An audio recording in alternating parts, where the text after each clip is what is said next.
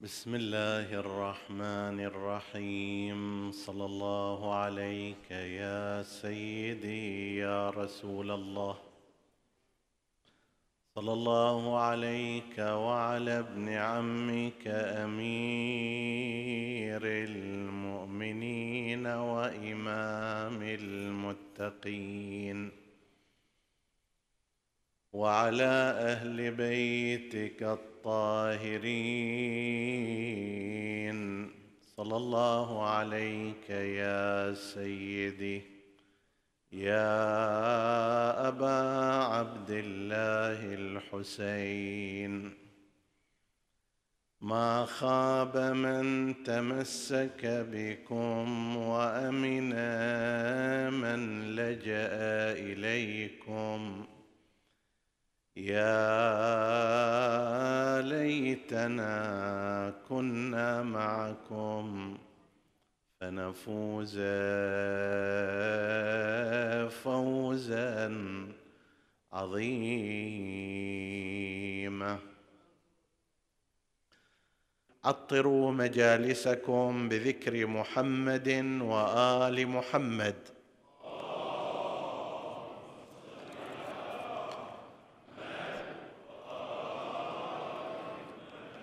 اللهم صل على محمد.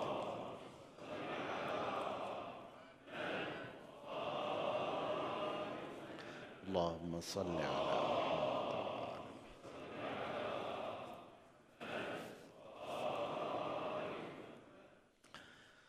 قال الله العظيم في كتابه الكريم بسم الله الرحمن الرحيم. بل هم في شك يلعبون. آمنا بالله. صدق الله العلي العظيم.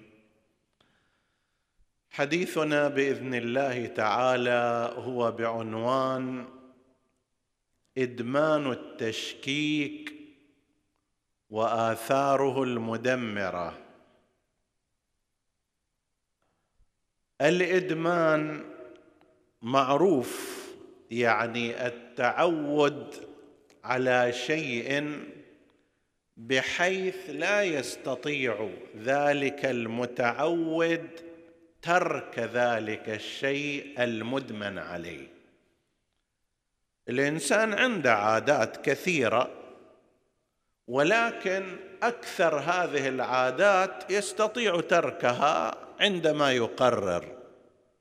لما يصير هذا الإنسان أسير لشيء معين بحيث لا ينفك عنه يقال هو مدمن على كذا. قد يكون مدمن على المخدرات نعوذ بالله. وهذا بلاء من الابتلاءات العظيمة في هذه الأمة وتبدأ بشيء بسيط حبة تسهرك حتى تراجع زين أيام الامتحانات. تواصل الليل بالنهار منها يبدأ مسار الإدمان. إدمان المخدرات أو إدمان الأفلام الإباحية والمناظر الخليعة هذا أيضا فد بلاء عظيم. يعني هذا مفسد لإيمان الإنسان ومفسد لحياته الزوجية بعدين ما يستمتع بحياة زوجية. حالات كثيرة عنده قسم عنده امرأة جميلة عفيفة مؤاتية لا يستطعم هذا.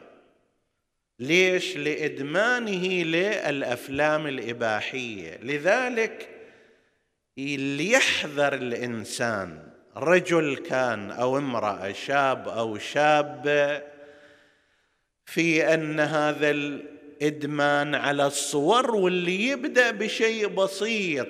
بشوف هذا استطلاع خلينا نشوف نطالع خمس دقائق بس هذا مثل مي البحر كل ما تشرب منه ما تشبع تعود إليه.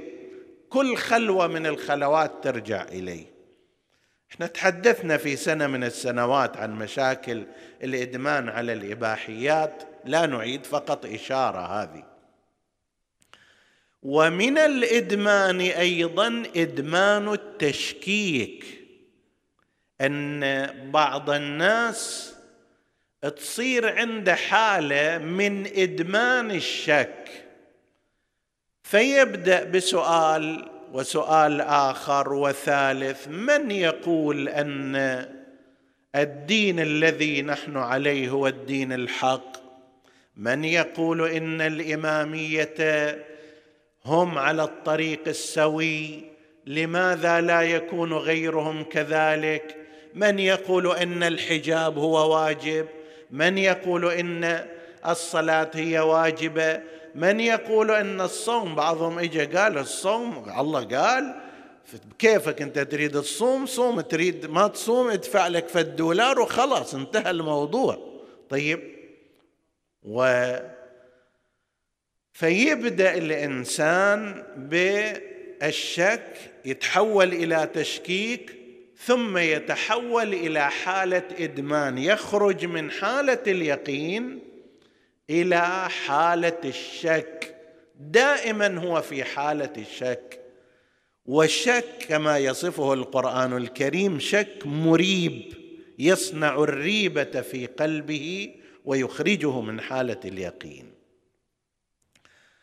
عندنا في مجتمعنا المسلم وفي مجتمعنا الشيعي الموالي لأهل البيت أكو هالشكل حالات. عند أفراد من عامة الناس وأحيانا ممن يصنفون على سلك المثقفين بل على طلاب العلوم الدينية. يتحول الإنسان من طارح للسؤال إلى شكاك إلى مدمن على الشك. تقول يعني مو طبيعي الإنسان أن يشك لا جدا طبيعي.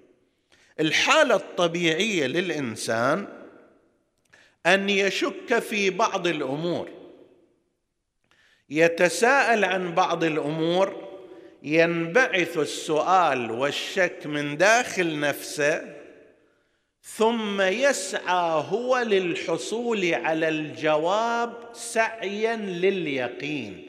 هذه حالة جدا طبيعية وهي التي يتحدث عنها القرآن الكريم فاسألوا أهل الذكر إن كنتم لا تعلمون.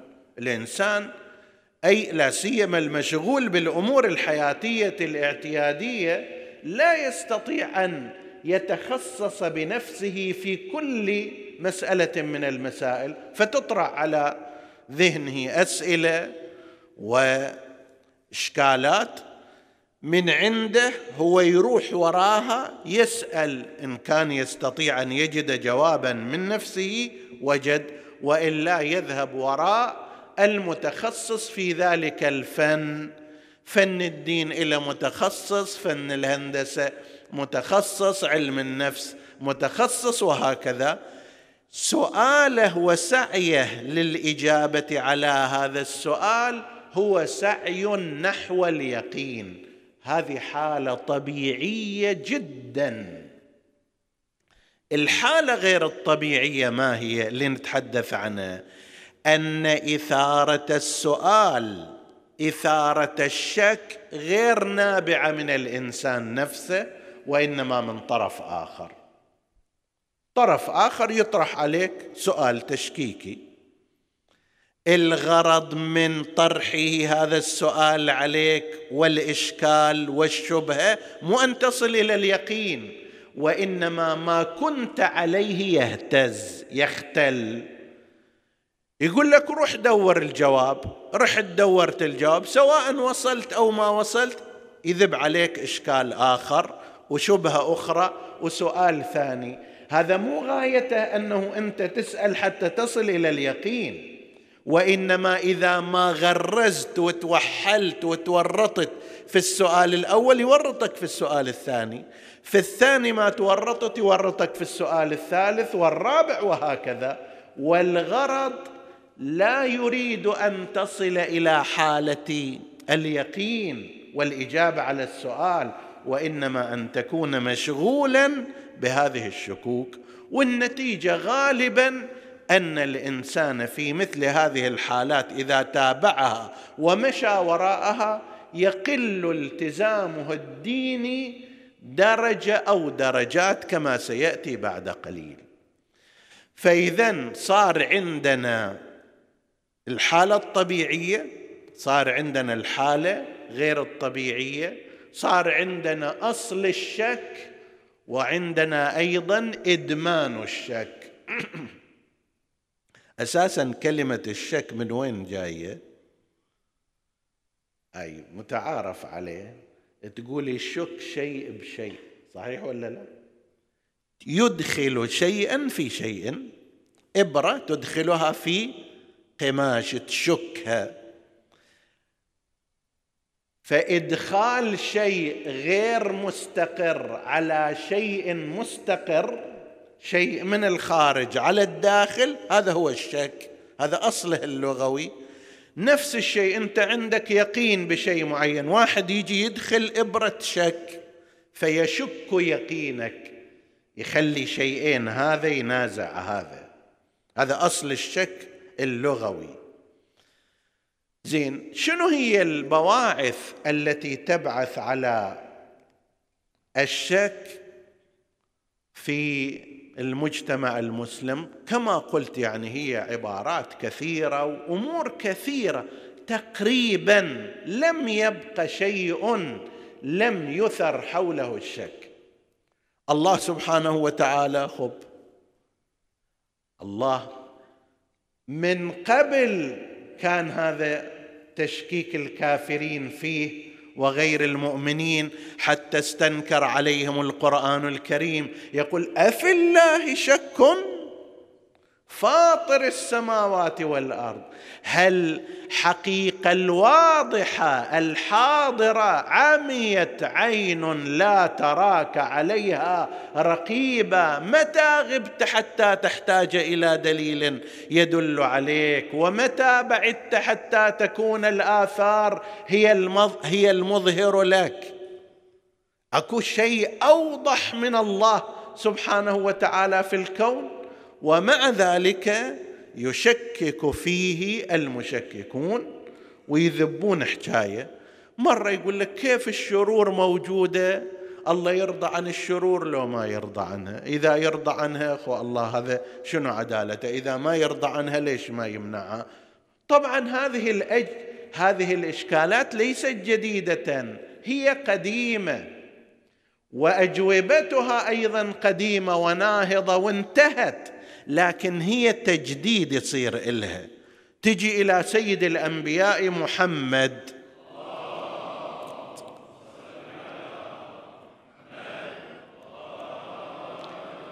نفس الكلام النبي محمد صلى الله عليه وآله حروبه شلون؟ هل كانت جه هل كانت دفاعية هجومية؟ هل تتوافق كما يقولون مع حقوق الإنسان؟ ما تتوافق حرية الإنسان في الاعتقاد؟ إلى غير ذلك.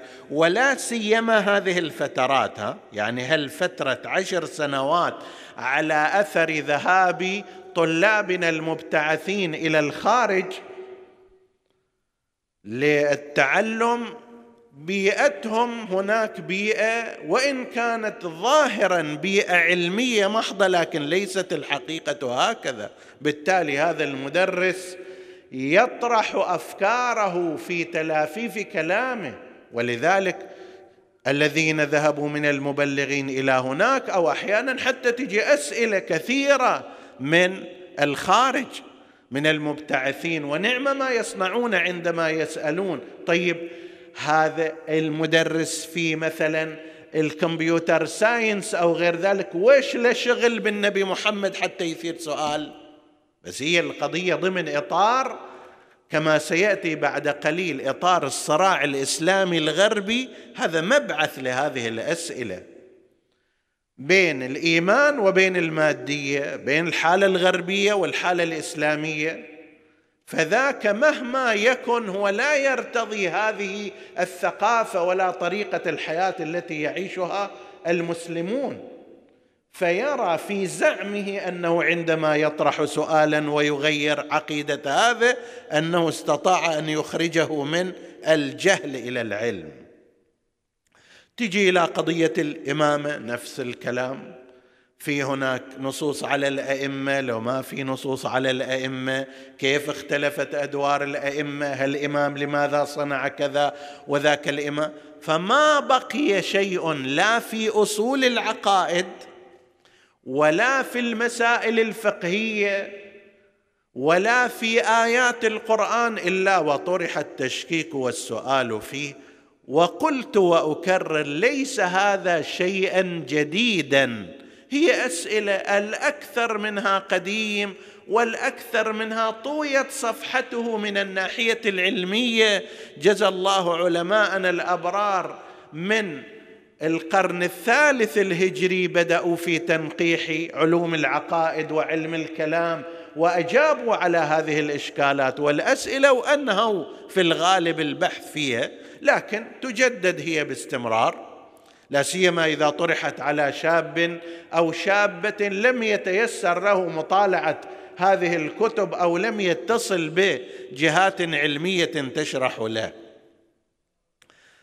فإذا القضية لا تتوقف عند موضوع أو موضوع آخر وإنما شملت كل الأمور وهذا يشير إلى الهدف منها. مرة أنت تقول خلينا نثبت قضية الله والإيمان به والنبي والأئمة وكذا ونروح على المسائل الفقهية. لا مرة أنت كل البناء تريد تشيله. فإن أفلحت في إثارة الشك في هذه المسألة وإلا تروح مسألة أخرى. إذا مسألة فقهية ما شك فيها مسألة عقائدية وعلى هذا المعدل. من بواعث التشكيك قسم منها كما ذكرنا حالة الصراع الإسلامي الغربي وقد أحيانا أيضا يتلبس بلباس مسيحي. أكو صراع. هذه رؤية للحياة وتلك رؤية. المسيحيون المبشرون في العالم يجدون أن الإسلام يواجههم بأفكاره السليمة بعقائده الصحيحة ويخطئ ما ذهبوا إليه من ألوهية عيسى ابن مريم وأشباه ذلك. فماذا يصنع هؤلاء؟ بطبيعة الحال سلاحهم أن يثيروا إشكالات وأسئلة وكلمات واحيانا يستفيدون من بعض مصادر المسلمين لا سيما في مدرسة الخلفاء مما ورد من أمور لا يصح نسبتها لرسول الله صلى الله عليه وآله. فتثار هذه الشبه. يصور النبي بصورة كما وردت في مصادر بعض المسلمين لا تشرف احدا. فيثير هذه الإشكالات. قسم آخر لا ما يرتبط بالموضوع المسيحي. الحضارة الغربية المادية هي على حد المواجهة مع الحضارة الدينية الإسلامية. فمثل ما الإسلام والمسلمين يعيبون على فكر الحضارة الغربية إنه وين وصل الإنسان في زمان الثقافة الغربية إلى أن انعدمت إنسانيته وخرج عن عبوديته لله وإيمانه وسوى المصائب هذه السياسية والاجتماعية والأخلاقية وهو كلام صحيح يوجهه المسلمون والمفكرون المسلمون للحضارة الغربية. أولئك أيضا يوجهون سهام التشكيك لعقائد الإسلام برامج الإسلام أحكام الإسلام هذا واحد. قسم آخر من الداخل من داخل الحالة الإسلامية. مفكر بحسب التصنيف طالب علم خطيب مثقف. أنا أريد أن أميز نفسي على الآخرين. فماذا أصنع؟ أقول أنا اكتشفت إشكال ما حد اكتشفه قبلي. في هذا الكتاب الفلاني وأروح أطلعه هذا الإشكال ما حد قبلي التفت إليه. أنا أول الأولين. طيب وأسبق السابقين. وأنفخ فيه. زين هذا أنت لو رحت راجعت في تاريخ الفكر الإسلامي تشوف هذا الإشكال أثير قبلك. ومؤرخ متى أثير وتمت الإجابة عليه لكن أنت ما عندك تتبع. هذه الرواية كذا وكذا أنا اكتشفت أنه فلان شيء فيها. هذا الكتاب كذا وكذا. طيب هذا لو كنت متتبعا حقا لرأيت أن هناك من سبقك إليه ومن سبقك إلى الإجابة على هذا الإشكال. هسه أنت إذا اكتشفت الإشكال وما جاوبت عليه غيرك اكتشف الإشكال وأجاب عليه. فاحيانا يصير هناك عند البعض من مفكرين من مثقفين من طلاب علم حتى إثارة باعتبار أنه يحتاج إلى أن يتميز عن غيره فلا بد أن يتميز بهذا. إذا شايف بعض السيارات إذا تمشي في الشارع الأصلي ما عندها سرعة تسبق غيرها فماذا تصنع؟ تروح إلى طريق الجانبي وتحاول أن تسبق الآخرين. هاي البحث عن قضايا التشكيك في الفكر الإسلامي والتاريخ الإسلامي والعقائد قسم من مدمني الشك وممن يبثون التشكيكات لديهم دوافع نفسية بغرض التميز عن الغير وبغرض أن يظهروا وكأنهم هم الذين لم يسبقهم أحد ولن يلحقهم أحد. لا أريد أن أقول هنا أن الكتب كلها صافية وزلال وسليمة والروايات كلها مضبوطة. لا ما حد يدعي هذا. لا يدعيه عالم من العلماء ولا مثلي وامثالي من الطلبه الناقلين عن العلماء. لا ندعي هذا ولا أحد يدعيه. ولكن أن يجي بعض الأشخاص ويتصورون أنه مثلا هم أول من اكتشف وأهم من عرف وأول من قارن لا يا أخي هذا هذه الأفكار تسعة وتسعين في المئة منها مذكورة ومطروحة وسبق الحديث عنها. لكن أنا أجي حتى أميز نفسي على الغير أركز على هذه النقاط حتى أظهر بها مثلا مثقفا كبيرا أو مفكرا مهما أو عالما نحريرا. هذا أيضا من الأغراض والأسباب التي تحصل وإغراء فكرة التجديد. أكو عندنا في عالمنا الإسلامي مجددون حقا وأكو هناك من هم مغرمون بفكرة التجديد. اولا نحن نقول أن ليس كل تجديد هو شيء صحيح وليس كل قديم هو شيء خاطئ. بعض الأمور كلما كانت أقدم كانت أقرب إلى الحقيقة مثل ما يذكرون في موضوع الأحاديث والروايات. يقول الأحاديث والروايات كلما كانت أقرب إلى زمان المعصوم وسندها أقل وأصغر وأقصر كانت أقرب إلى الدقة من الروايات اللي تحتاج إلى سند طويل. هذا شيء قديم وهو الأفضل. أكو هناك قسم آخر لا الأفكار الجديدة الاستنباطات الجديدة المعارف الجديدة التي تتأمل في النصوص الشرعية. إذا كان هناك دليل عليها أهلا ومرحبا بهذا التجديد وهي دعوة العلماء. واساسا معنى الاجتهاد هو في بعض أقسامه هو هذا.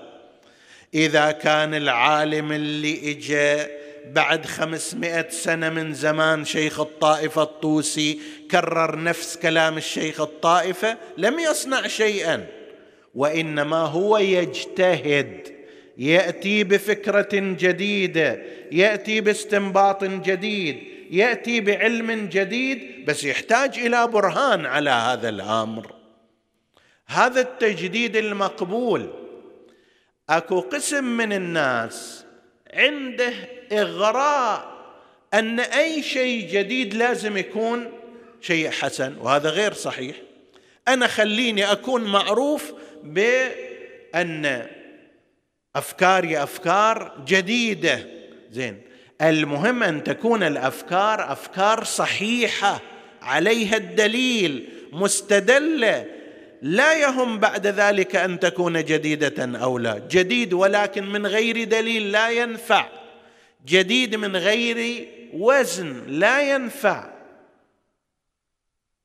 فإغراء فكرة التجديد أحيانا يصير عند قسم من الناس من بواعث التشكيك. ماذا نصنع في مثل هذه الحالات؟ الآن لا ريب أن فضاءنا الثقافية الإسلامية والشيعية مليء بالتشكيكات. بل إن هناك بعض القنوات الفضائية متخصصة في إثارة الشكوك. بعض الجهات شغلها هو هذا. زين ماذا نصنع في مثل هذه الحالات؟ عدة أمور أشير إليها. بشكل مختصر بعد الصلاة على محمد وآل محمد.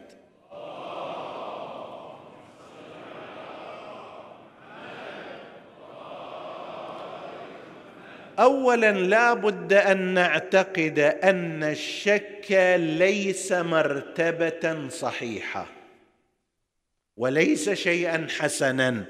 اليقين ممدوح في الشرع. الشك مذموم. تتبعوا كلمة شك في القرآن الكريم. تشوف بل هم في شك مريب. بل هم في شك يلعبون. الله يقول إحنا نريد نشوف من يؤمن بالآخرة ممن هو في شك منها. بل هم في مرية من لقائه. عندهم مرية شكوك. لا نجد في القرآن الكريم تعبيرا مؤيدا لقضية الشك. زين؟ لعل واحد يقول إحنا ندرس في المدرسة ولا سيما من الثانوية وفوق. أن النهضه الصناعيه المعاصره الآن مبنيه على منهج الشك التجريبي وأن العلوم تقدمت بسببه وأنه أنا أشك إذا أنا موجود هذه مقولة مشهورة وأن الإنسان الشكاك الذي يشك يعني عقله يتحرك.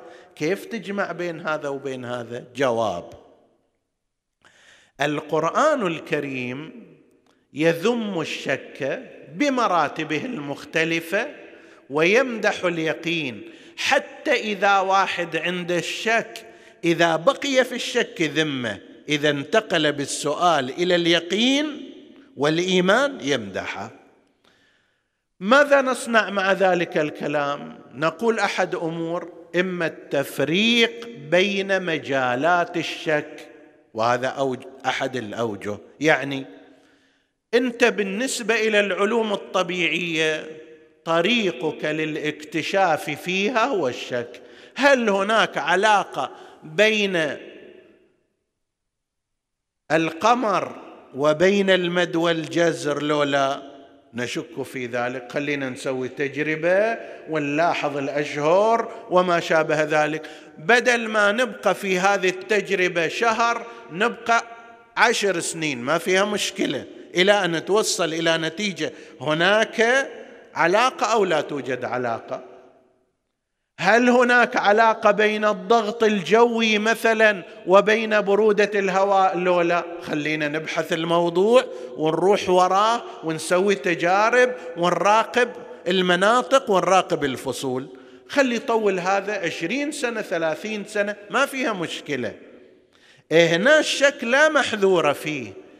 أما فيما يرتبط بقضايا الإيمان والدين بقاء الإنسان في حالة الشك ساعة واحدة هي مشكلة. أنا الآن أريد أقول أعتقد بالله أو لا أعتقد بالله؟ أشك في ذلك. هل مسموح لي أن أبقى ساعة واحدة شاك في وجود الله؟ ليس مسموحا. هل مسموح لي أن أبقى مدة ساعة واحدة شاك في أن محمدا لذكره صلوا عليه؟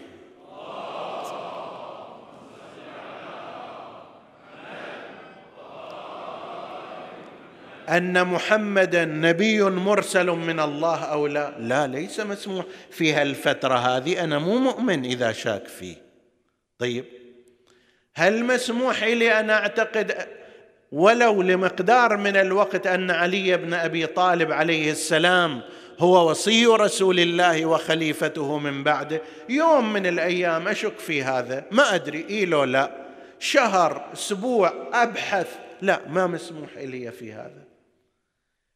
أروح أسأل وقلبي معقود على ذلك؟ نعم. أما أنا مترجرج ما أدري. هذا نبي لو مو نبي لست مؤمنا هنا. هذا إمام أو ليس بإمام لست شيعيا في هذه الصورة. الفرق أن قضايا الدين هي أساسها الاعتقاد فإذا أنا ما صار عندي اعتقاد في الواقع ما عندي دين. بخلاف القضايا الطبيعية الباراسيتامول مثلا أو البنادول مؤثر في الإنفلونزا أو غير مؤثر سواء اعتقدت أو ما اعتقدت ما ما يرتبط هذا بشيء وما يخل بإيماني ولا يؤثر حتى على حرارتي ترتفع لو تنزل ما إلى ربط بقضية الاعتقاد. هي أمور واقعية خارجية. أما قضايا الدين فهي إيمان. الإيمان في مقابل الشك. هي يقين اليقين في مقابل الشك. ولذلك لي ليشتبه الإنسان يجي واحد يقول له لازم الإنسان يكون عنده فكر حر وجوال. ما في مشكلة أن تشك في وجود الله وتبحث. لا هناك مشكلة. لأنك عند وهذه من حيل بعضهم. يقول لك ما في مشكلة أنت اعتبر نفسك ما مؤمن وابحث في الله. عندما تعتبر نفسك غير مؤمن وتشيل الإيمان بالله من قلبك أنت قد تكون خرجت من الإيمان بالله.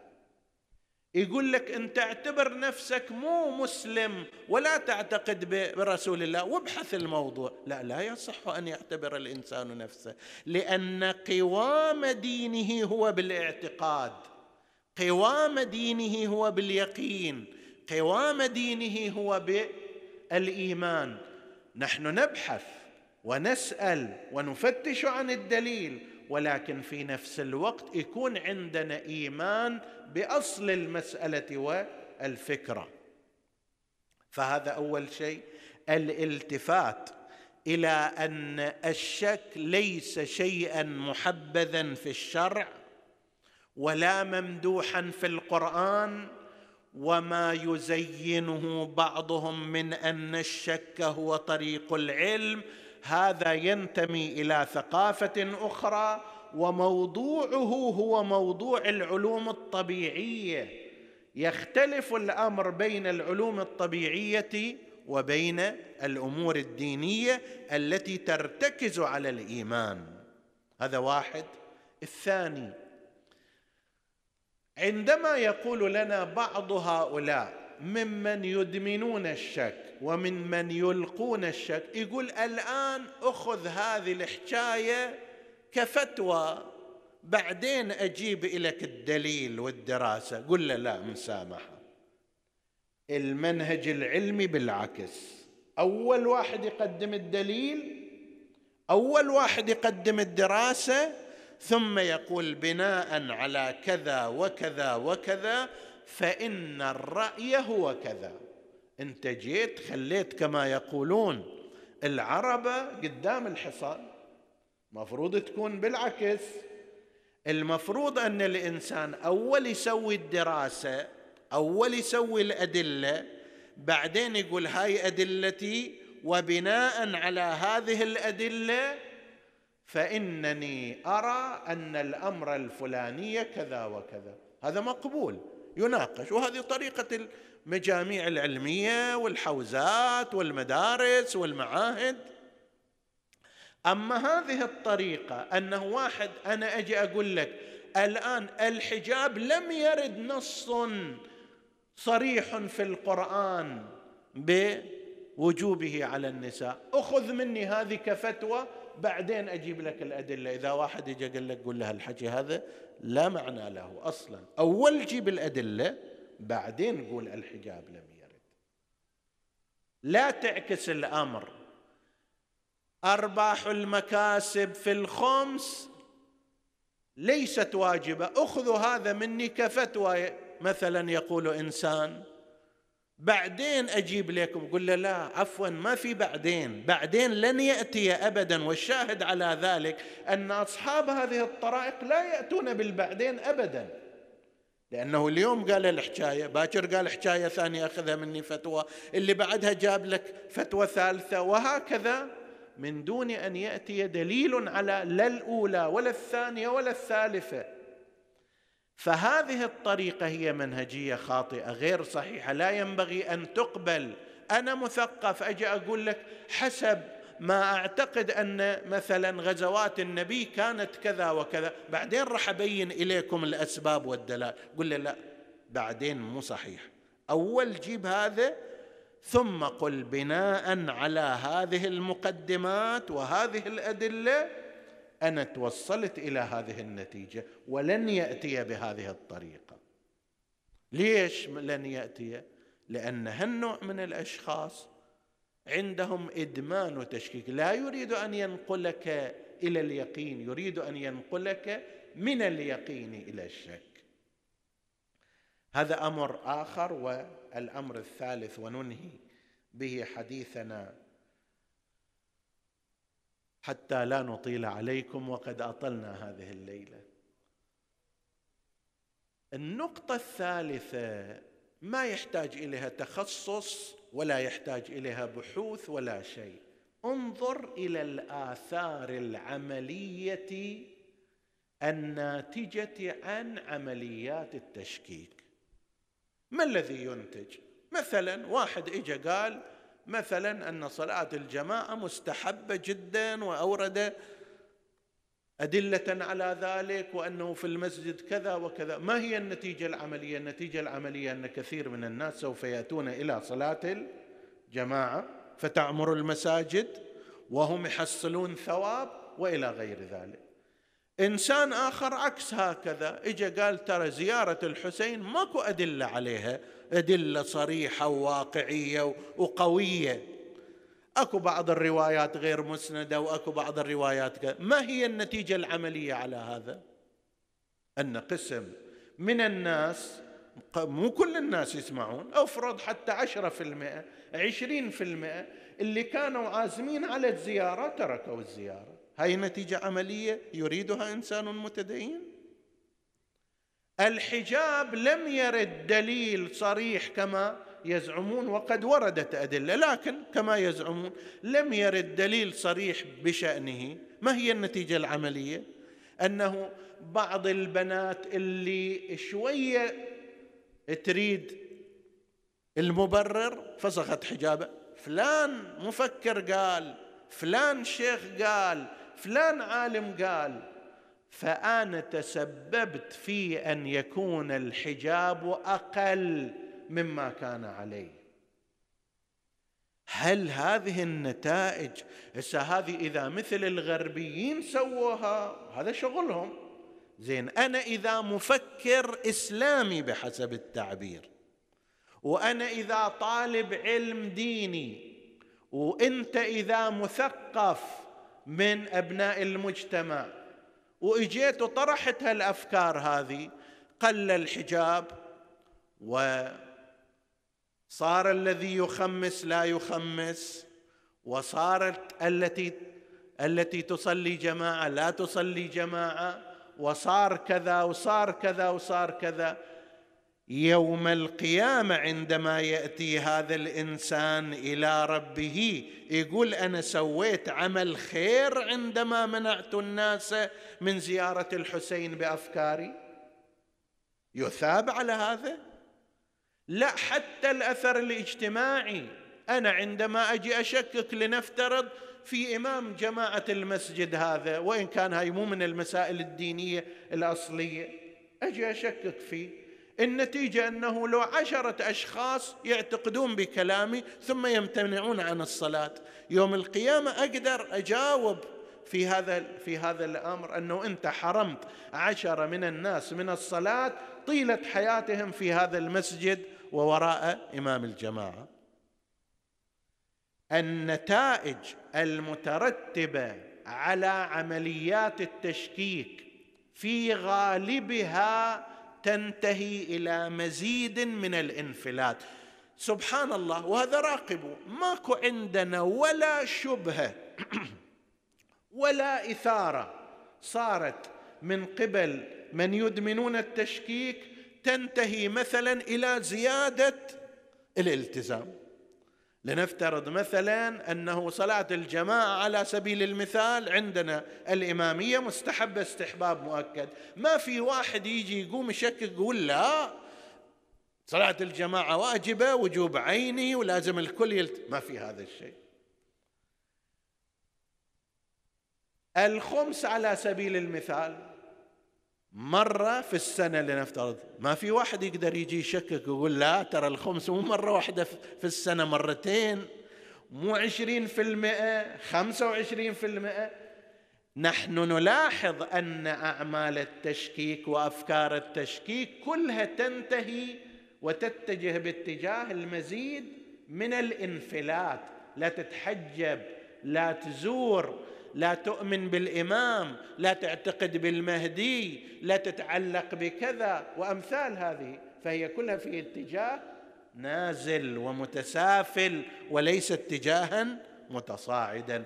وفي هذا دليل أو إشارة إلى أن هذه هذه النتائج نتائج غير مرغوبة وغير محبوبة من الله عز وجل.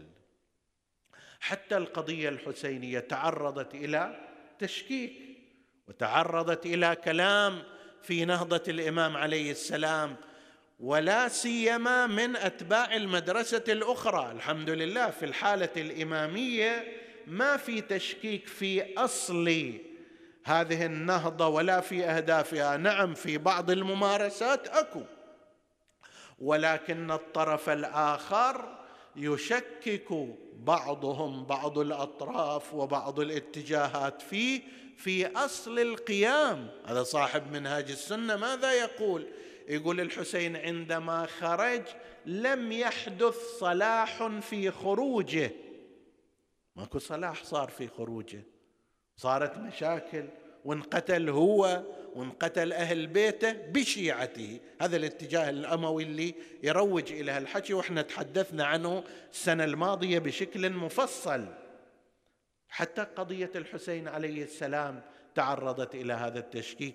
لذلك نرى ذكاء الحسين سلام الله عليه وحكمته عندما كان في كل مشهد من المشاهد يبين أغراضه وأهدافه. ها هو قد وصل إلى مكة المكرمة في الثالث من شهر شعبان كما هو المعروف وبقي في مكة المكرمة بعدما أحرم بعمرتها المفردة بقي شهر شعبان ورمضان وشوال وذي القعدة. واجتمع إليه الناس من كل حدب وصوب وكان يتحدث معهم كانوا يترقبون أن يحجوا بحج الحسين لأنه أمير الحاج. أمير الحاج هذا اصطلاح عن أهم شخصية تحج في ذلك الموسم. فكان الإمام الحسين عليه السلام وهو الخليفة الشرعي المنصب بتنصيب رسول الله في قوله إمامان قاما أو قعدا وهو حتى بحسب الاتفاق الموقع بين معاوية والحسن ابن علي عليه السلام أنه إن قضى الحسن فالأمر يكون من بعده للحسين. هذا موجود في وثيقة الصلح. فالناس الآن كثير منهم جاءوا لكي يحجوا بحجه. رأوا أن الحسين عليه السلام بعدما عرف أن يزيد بن معاوية قد أمر قد أمر ذلك الفاتك الأموي والي المدينة والي مكة والمدينة بأن يغتال الإمام الحسين حتى وإن كان متعلقا بأستار الكعبة. ذولا ما يعرفون للكعبة حرمة ولا يعرفون لابن رسول الله كرامة. فالإمام الحسين عليه السلام عزم على الخروج ذهب كما ينقل في ليلة الثامن وفي بعض الروايات التاريخية أنه في يوم السابع والناس يستعدون للذهاب إلى عرفات لأنهم كانوا يسبقون في الذهاب فهناك الإمام الحسين وقف بين الناس خطيبا أيها الناس خط الموت على ولد آدم. مخط القلادة على جيد الفتاة وما أولهني إلى اسلافي اشتياق يعقوب إلى يوسف كأني بأوصالي تقطعها عسلان الفلوات. الإمام الحسين يقرأ مصيبة نفسه قبل وقوعها وينعى نفسه قبل مقتله. كأني بأوصالي تقطعها عسلان الفلوات بين النواويس وكربلاء. فيملأن مني أكراشا جوفا وأجربة سغبا لا محيص عن يوم خط بالقلم. رضا الله رضانا أهل البيت نصبر على بلائه فيوفينا أجور الصابرين. لن تشذ عن رسول الله لحمته بل هي محفوظة له في حظيرة القدس تقر بها عينه وتطمئن بها نفسه. ألا ومن أراد أن يرحل معنا؟ أكو أحد يريد يسير مع الحسين؟ اللهم اجعلنا في ركاب الحسين. ألا ومن كان باذلا لله مهجته وموطنا على لقاء الله نفسه فليرحل معنا فإني راحل غدا مصبحا إن شاء الله. لو كنا أبا عبد الله في ذلك اليوم رجونا أن نقول لبيك يا أبا عبد الله. لبيك يا ابن رسول الله. إن كان لم يجبك سمعي عند استغاثتك ولساني عند استنصارك فقد أجابك قلبي وفؤادي. الحسين له تلبية لكنها ليست كتلبية الحجيج وإنما هي تلبية أخرى.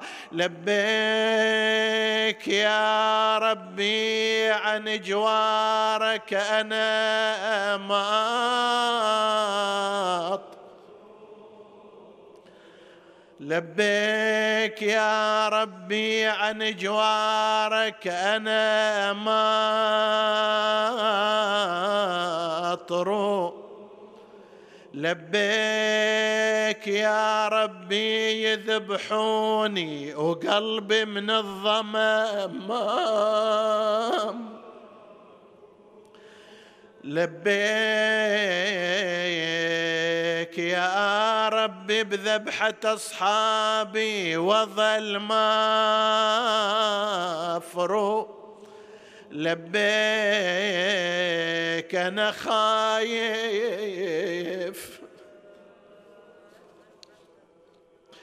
لبيك أنا. بيت الله حرم الله يأمن فيه كل الخلائق وابن رسول الله.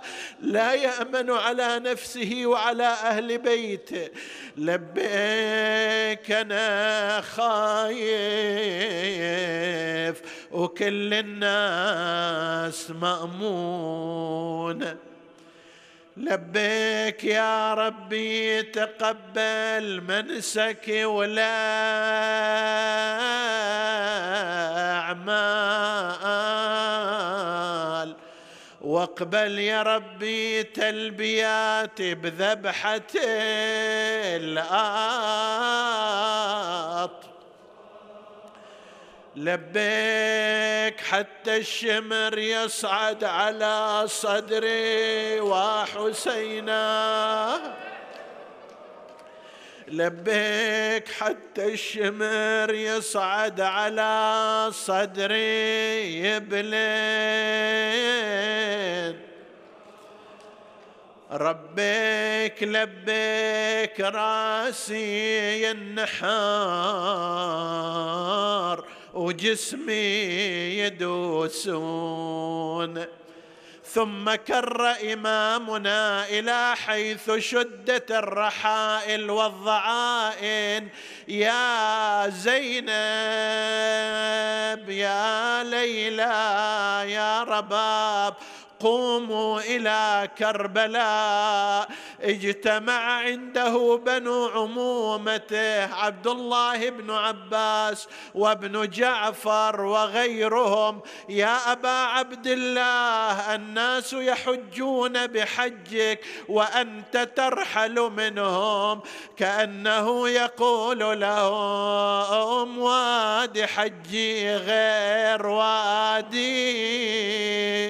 والشهر غير الشهر وتنقضي كل هالمناسك يوم عاشور الظهر. أظل مرمي على الثرى ويصعد على صدري. شمير يفري وداجي ومهجتي من الظمأ متفتتة. وأنا بيت الله وظل من فيض طبراتي غريج والحجر نحري بين عمي ويتامى يا الحجيج. وتسمع لها حول جسمي من الضرب حنة وضجيج. بين عادي والعدو تدري شديدة واليتم.